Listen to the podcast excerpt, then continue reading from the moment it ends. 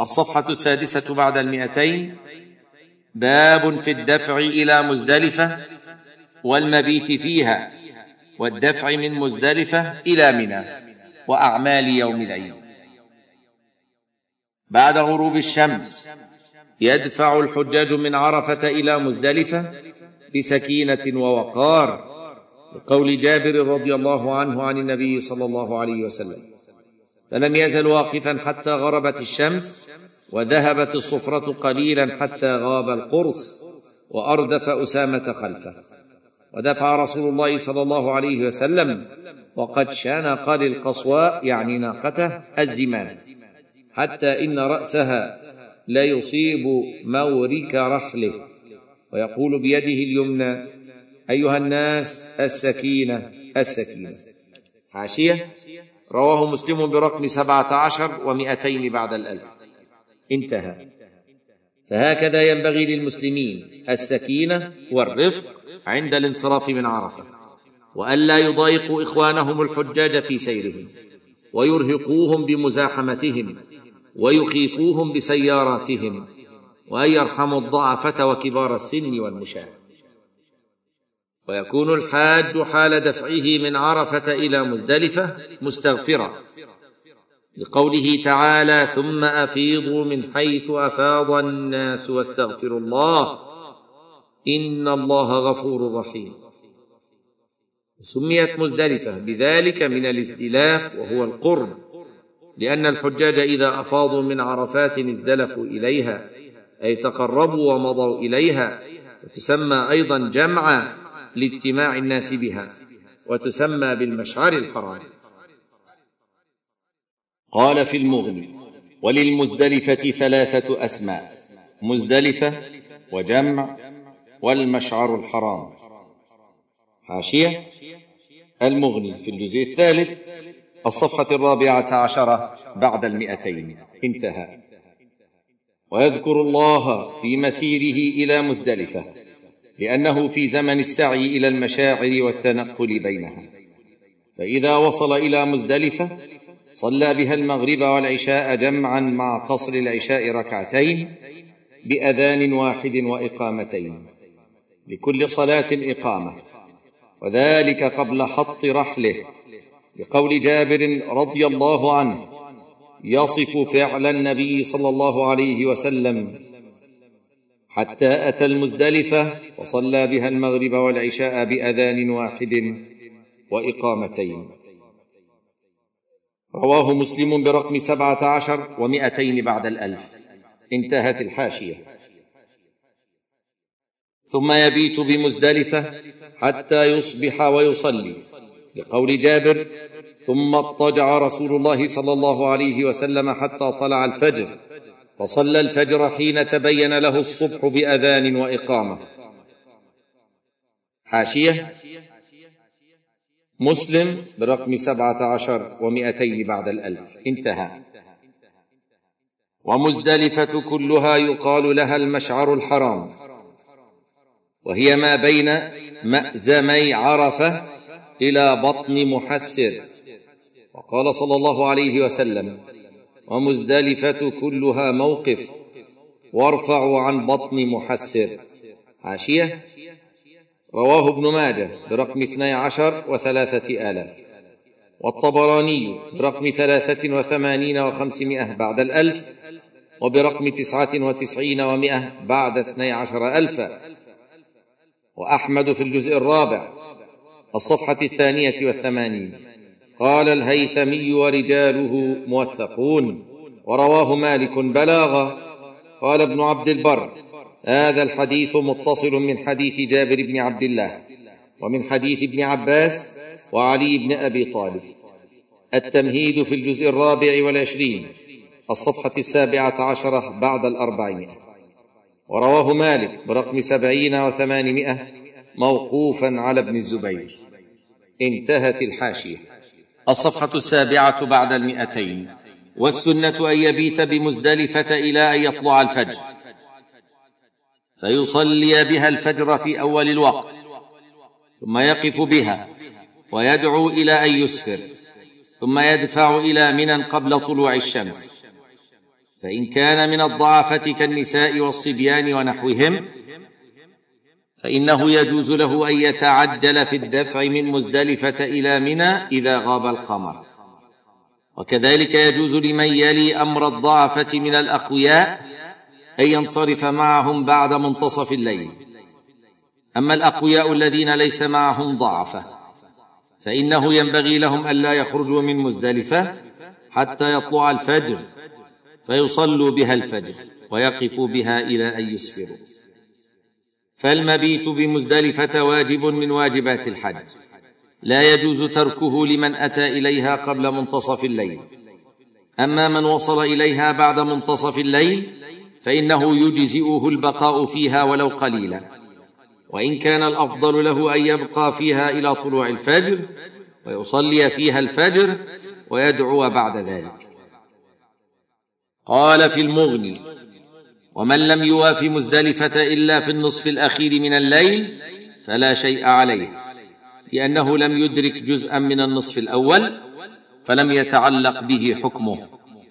حاشية المغني في الجزء الثالث الصفحة الخامسة عشرة بعد المئتين. انتهى. ويجوز لأهل الأعذار ترك المبيت بمزدلفة كالمريض الذي يحتاج إلى تمريضه في المستشفى. ومن يحتاج إليه المريض لخدمته. وكالسقاة والرعاة لأن النبي صلى الله عليه وسلم رخص للرعاة في ترك المبيت حاشية؟ قارن مع ابن خزيمة برقم خمسة وسبعين وتسعمائة بعد الألفين وستة وسبعين وتسعمائة بعد الألفين. والنسائي برقم ثمانية وستين وثلاثة آلاف. وقارن مع ما سيأتي. في الجزء الأول الصفحة الثامنة والثلاثين بعد الثلاثمائة. انتهى. فالحاصل أن المبيت بمزدلفة واجب من واجبات الحج لمن وافاها قبل منتصف الليل لأن النبي صلى الله عليه وسلم بات بها وقال لتأخذوا عني مناسككم. حاشية. رواه مسلم برقم سبعة وتسعين ومائتين بعد الألف. وهذا اللفظ لأبي عوانة في الجزء الثالث الصفحه الثامنة والسبعين بعد الثلاثمائة. انتهى. وإنما أبيح الدفع بعد منتصف الليل لما ورد فيه من الرخصة. ثم يدفع قبل طلوع الشمس إلى منى. لقول عمر كان أهل الجاهلية لا يفيضون من جمع حتى تطلع الشمس. ويقولون أشرق ثبير كيما نغير. وثبير اسم جبل يطل على مزدلفة يخاطبونه أي لتطلع عليك الشمس حتى ننصرف فخالفهم النبي صلى الله عليه وسلم فأفاض قبل طلوع الشمس. حاشية. البخاري برقم أربعة وثمانين وستمائة بعد الألف. انتهى. ويدفع عليه السكينة. فإذا بلغ وادي محسر وهو واد بين مزدلفة ومنى يفصل بينهما وهو ليس منهما. فإذا بلغ هذا الوادي أسرع قدر رمية حجر. ويأخذ حصى الجمار من طريقه قبل أن يصل إلى منى. هذا هو الأفضل. أو يأخذه من مزدلفة أو من منى. ومن حيث أخذ الحصى جاز لقول ابن عباس رضي الله عنهما قال رسول الله صلى الله عليه وسلم غداه العقبة وهو على راحلته ألقط لي الحصى. فلقطت له سبع حصيات هي حصى الخذف فجعل ينفضهن في كفه ويقول أمثال هؤلاء فرموا. حاشية. هو ما يحذف على رؤوس الأصابع. انتهى. ثم قال يا أيها الناس إياكم والغلو في الدين فإنما أهلك من كان قبلكم الغلو في الدين. حاشية. رواه النسائي برقم ثلاثة وستين وأربعة آلاف وابن ماجه برقم تسعة وعشرين وثلاثة آلاف وابن حبان برقم واحد وسبعين وثمانمائة بعد ثلاثة الآلاف والضياء في جزئه العاشر والجزء الثلاثين الصفحة الحادية والعشرين والبيهقي في الجزء الخامس الصفحة السابعة والعشرين والمئة وصححه الحاكم على شرط الشيخين. انتهى. فتكون الحصاة من حصى الجمال بحجم حبة الباقلا أكبر من الحمص قليلا. ولا يجزئ الرمي بغير الحصى ولا بالحصى الكبار التي تسمى حجرا لأن النبي صلى الله عليه وسلم رمى بالحصى الصغار وقال خذوا عني مناسككم. حاشية. رواه مسلم برقم سبعة وتسعين ومائتين بعد الألف وهذا اللفظ لأبي عوانة في الجزء الثالث الصفحه الثامنة والسبعين بعد الثلاثمائة. انتهى. فإذا وصل إلى منى وهي ما بين وادي محسر إلى جمرة العقبة ذهب إلى جمرة العقبة وهي آخر الجمرات مما يلي مكة وتسمى الجمرة الكبرى. فيرميها بسبع حصيات واحدة بعد واحدة بعد طلوع الشمس ويمتد زمن الرمي إلى الغروب. ولا بد أن تقع كل حصاة في حوض الجمرة سواء استقرت فيه أو سقطت بعد ذلك. فيجب على الحاج أن يصوب الحصى إلى حوض الجمرة. لا إلى العمود الشاخص فإن هذا العمود ما بني لأجل أن يرمى وليس هو موضع الرمي وإنما بني ليكون علامة على الجمرة. ومحل الرمي هو الحوض فلو ضربت الحصاة في العمود وطارت ولم تمر على الحوض لم تجزئ. والضعافة ومن في حكمهم يرمونها بعد منتصف الليل. وإن رمى غير الضعفه بعد منتصف الليل أجزأهم ذلك. وهو خلاف الأفضل في حقهم لا زلنا في الصفحة الثامنة بعد المئتين. ويسن الا يبدأ بشيء حين وصوله إلى منى قبل رمي جمرة العقبة لأنه تحية منه ويستحب أن يكبر مع كل حصاة ويقول اللهم اجعله حجا مبرورا وذنبا مغفورا ولا يرمي في يوم النحر غير جمرة العقبة. وهذا مما اختصت به عن بقية الجمرات. حاشية. رواه البيهقي في الجزء الخامس الصفحه التاسعة والعشرين بعد المئة. وابن أبي شيبة في الجزء الثالث الصفحة الستين بعد المئتين. ستة عشر بعد أربعة عشر ألفا وأحمد في الجزء الأول الصفحة السابعة والعشرين بعد الأربعمائة. وأبو يعلى برقم خمسة وثمانين ومائة. بعد خمسة الآلاف من قول ابن مسعود موقوفا ورواه البيهقي من قول ابن عمر. انتهت الحاشية. ولا يرمي في يوم النحر غير جمرة العقبة وهذا مما اختصت به عن بقية الجمرات كما ذكرنا. ثم بعد رمي جمرة العقبة الأفضل أن ينحر هديه إن كان يجب عليه هدي تمتع أو قران.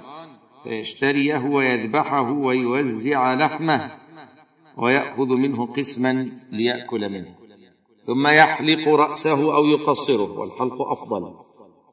لقوله تعالى محلقين رؤوسكم ومقصرين ولحديث ابن عمر أن رسول الله صلى الله عليه وسلم حلق رأسه في حجة الوداع. متفق عليه. حاشية؟ رواه البخاري برقم تسعة وعشرين وسبعمائة بعد الألف ومسلم برقم أربعة بعد الثلاثمائه والألف. انتهى. ودعا صلى الله عليه وسلم للمحلقين ثلاث مرات وللمقصرين مرة واحدة. حاشية. رواه البخاري برقم سبعة وعشرين وسبعمائة بعد الألف ومسلم برقم واحد بعد ثلاثمائة والألف. انتهى. فإن قصر وجب أن يعم جميع رأسه ولا يجزئ الاقتصار على بعضه أو جانب منه فقط. لقوله تعالى محلقين رؤوسكم ومقصرين فأضاف الحلق والتقصير إلى جميع الرأس. الصفحة التاسعة بعد المئتين. والمرأة يتعين في حقها التقصير بأن تقص من كل ضفيرة قدر أنملة. لحديث ابن عباس مرفوعا. ليس على النساء الحلق إنما على النساء التقصير. رواه أبو داود والطبراني والدار قطني. حاشية. رواه أبو داود برقم أربعة وثمانين وتسعمائة بعد الألف. والدارمي برقم خمسة وتسعمائة بعد الألف. والطبراني برقم ثمانية عشر بعد ثلاثة عشر ألفا. والدار قطني في الجزء الثاني الصفحة الحادية والسبعين بعد المئتين. والبيهقي في الجزء الخامس الصفحة الرابعة بعد المئة. انتهى. ولأن الحلق في حق النساء مثلة. وإن كان رأس المرأة غير مضفور جمعته وقصت من أطرافه قدر أنملة. ويسن لمن حلق أو قصر أخذ أظفاره وشاربه وعانته وإبطه. ولا يجوز له أن يحلق لحيته أو يقص شيئا منها لأن النبي صلى الله عليه وسلم أمر بتوفير اللحية ونهى عن حلقها وعن أخذ شيء منها والمسلم يمتثل ما أمر به النبي صلى الله عليه وسلم ويجتنب ما نهى عنه والحاج أولى بذلك لأنه في عباده. ومن كان رأسه ليس فيه شعر كالحليق أو الذي لم ينبت له شعر أصلا. وهو الأصلع فإنه يمر الموسى على رأسه لقوله صلى الله عليه وسلم إذا أمرتكم بأمر فأتوا منه ما استطعتم. حاشية رواه البخاري برقم ثمانية وثمانين ومائتين بعد سبعة آلاف ومسلم برقم سبعة وثلاثين وثلاثمائة بعد الألف. انتهى. ثم بعد رمي جمرة العقبة وحلق رأسه أو تقصيره يكون قد حل له كل شيء حرم عليه بالإحرام من الطيب واللباس وغير ذلك إلا النساء. لحديث عائشة رضي الله عنها إذا رميتم وحلقتم فقد حل لكم الطيب والثياب وكل شيء إلا النساء. رواه سعيد. حاشيه رواه أبو داود برقم ثمانية وسبعين وتسعمائة بعد الألف. وابن خزيمة برقم سبعة وثلاثين وتسعمائة. بعد الألفين. والبيهقي في الجزء الخامس الصفحة السادسة والثلاثين بعد المئة. والطحاوي في الجزء الثاني الصفحة الثامنة والعشرين بعد المئتين. وأحمد في الجزء السادس الصفحة الثالثة والأربعين والمئة. وله شاهد عن ابن عباس. رواه أحمد في الجزء الأول الصفحة الرابعة والثلاثين بعد المئتين. وابن ماجه برقم واحد وأربعين بعد ثلاثة آلاف. وليس فيه ذكر الحلق. انتهى. وعنها كنت أطيب رسول الله صلى الله عليه وسلم قبل أن يحرم ويوم النحر قبل أن يطوف بالبيت بطيب فيه مسك. متفق عليه. حاشيه رواه مسلم برقم واحد وتسعين ومائة بعد الألف. وحده. وأصله في البخاري برقم واحد وسبعين ومائتين. ومسلم برقم تسعين ومائة بعد الألف. انتهى. وهذا هو التحلل الأول ويحصل باثنين من ثلاثة. رمي جمرة العقبة وحلق أو تقصير وطواف الإفاضة مع السعي بعده لمن عليه السعي. ويحصل التحلل الثاني وهو التحلل الكامل بفعل هذه الثلاثة كلها. فإذا فعلها حل له كل شيء حرم عليه بالإحرام حتى النساء. بعد رمي جمرة العقبة ونحر هديه وحلقه أو تقصيره يفيض إلى مكة فيطوف طواف الإفاضة ويسعى بعده بين الصفا والمروة إن كان متمتعا أو قارنا أو مفردا ولم يكن سعى بعد طواف القدوم. أما إن كان القارن أو المفرد سعى بعد طواف القدوم فإنه يكفيه ذلك السعي المقدم فيقتصر على طواف الإفاضة. وترتيب هذه الأمور الأربعة على هذا النمط. رمي جمرة العقبة ثم نحر الهدي ثم الحلق أو التقصير ثم الطواف والسعي. هذا الترتيب سنة. ولو خالفه فقدم بعض هذه الأمور على بعض فلا حرج عليه لأنه صلى الله عليه وسلم ما سئل في هذا اليوم عن شيء قدم ولا أخر إلا قال افعل ولا حرج. حاشيه رواه البخاري برقم ثلاثة وثمانين ومسلم برقم خمسة وثلاثمائة بعد الألف. انتهى. الصفحة العاشرة بعد المئتين. لكن ترتيبها أفضل لأن النبي صلى الله عليه وسلم رتبها كذلك وصفة الطواف بالبيت أنه يبتدئ من الحجر الأسود فيحاذيه ويستلمه بيده. بان يمسحه بيده اليمنى ويقبله إن أمكن. فإن لم يمكنه الوصول إلى الحجر لشدة الزحمة فإنه يكتفي بالإشارة إليه بيده. ولا يزاحم لاستلام الحجر أو تقبيله ويجعل البيت على يساره. ثم يبدأ الشوط الأول. ويشتغل بالذكر والدعاء أو تلاوة القرآن. فإذا وصل إلى الركن اليماني استلمه إن أمكن ولا يقبله. ويقول بين الركن اليماني والحجر الأسود ربنا آتنا في الدنيا حسنة وفي الآخرة حسنة وقنا عذاب النار. فإذا وصل إلى الحجر الأسود فقد تم الشوط الأول فيستلم الحجر أو يشير إليه ويبدأ الشوط الثاني وهكذا حتى يكمل سبعة أشواط. ويشترط لصحة الطواف ثلاثة عشر شرطا. هي الإسلام والعقل والنية وستر العورة والطهارة وتكميل السبعة وجعل البيت عن يساره والطواف بجميع البيت بألا يدخل مع الحجر أو يطوف على جداره وأن يطوف ماشيا مع القدرة والموالاة بين الأشواط إلا إذا أقيمت الصلاة أو حضرت جنازة فإنه يصلي ثم يبني على ما مضى من طوافه بعد أن يستأنف الشوط الذي صلى في أثنائه وأن يطوف داخل المسجد وأن يبتدئ من الحجر الأسود ويختم به. ثم بعد تمام الطواف يصلي ركعتين والأفضل كونهما خلف مقام إبراهيم ويجوز أن يصليهما في أي مكان في المسجد أو في غيره من الحرم. وهما سنة مؤكدة.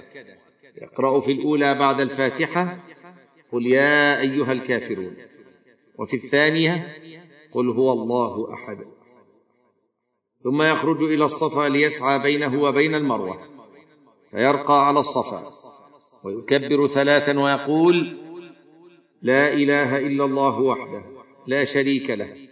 له الملك وله الحمد. يحيي ويميت وهو حي لا يموت. بيده الخير وهو على كل شيء قدير. ثم ينزل من الصفا متجها إلى المروة. ويكون بذلك قد بدأ الشوط الأول. ويسعى بين الميلين الأخضرين سعيا شديدا. وفي خارج الميلين يمشي مشيا معتادا حتى يصل المروة. فيرقى عليها. ويقول ما قاله على الصفا. ويكون بذلك قد أنهى الشوط الأول. فينزل من المروة متجها إلى الصفا. ويكون بذلك قد بدأ الشوط الثاني. يمشي في موضع مشيه ويسعى في موضع سعيه وهكذا حتى يكمل سبعة أشواط يبدأها من الصفا ويختمها بالمروة. ذهابه من الصفا إلى المروة سعية ورجوعه من المروة إلى الصفا سعية. ويستحب أن يشتغل أثناء السعي بالدعاء والذكر أو تلاوة القرآن. وليس للطواف والسعي دعاء مخصوص بل يدعو بما تيسر له من الأدعية. وشروط صحه السعي النية واستكمال ما بين الصفا والمروة وتقدم الطواف عليه. الصفحة الحادية عشرة بعد المئتين.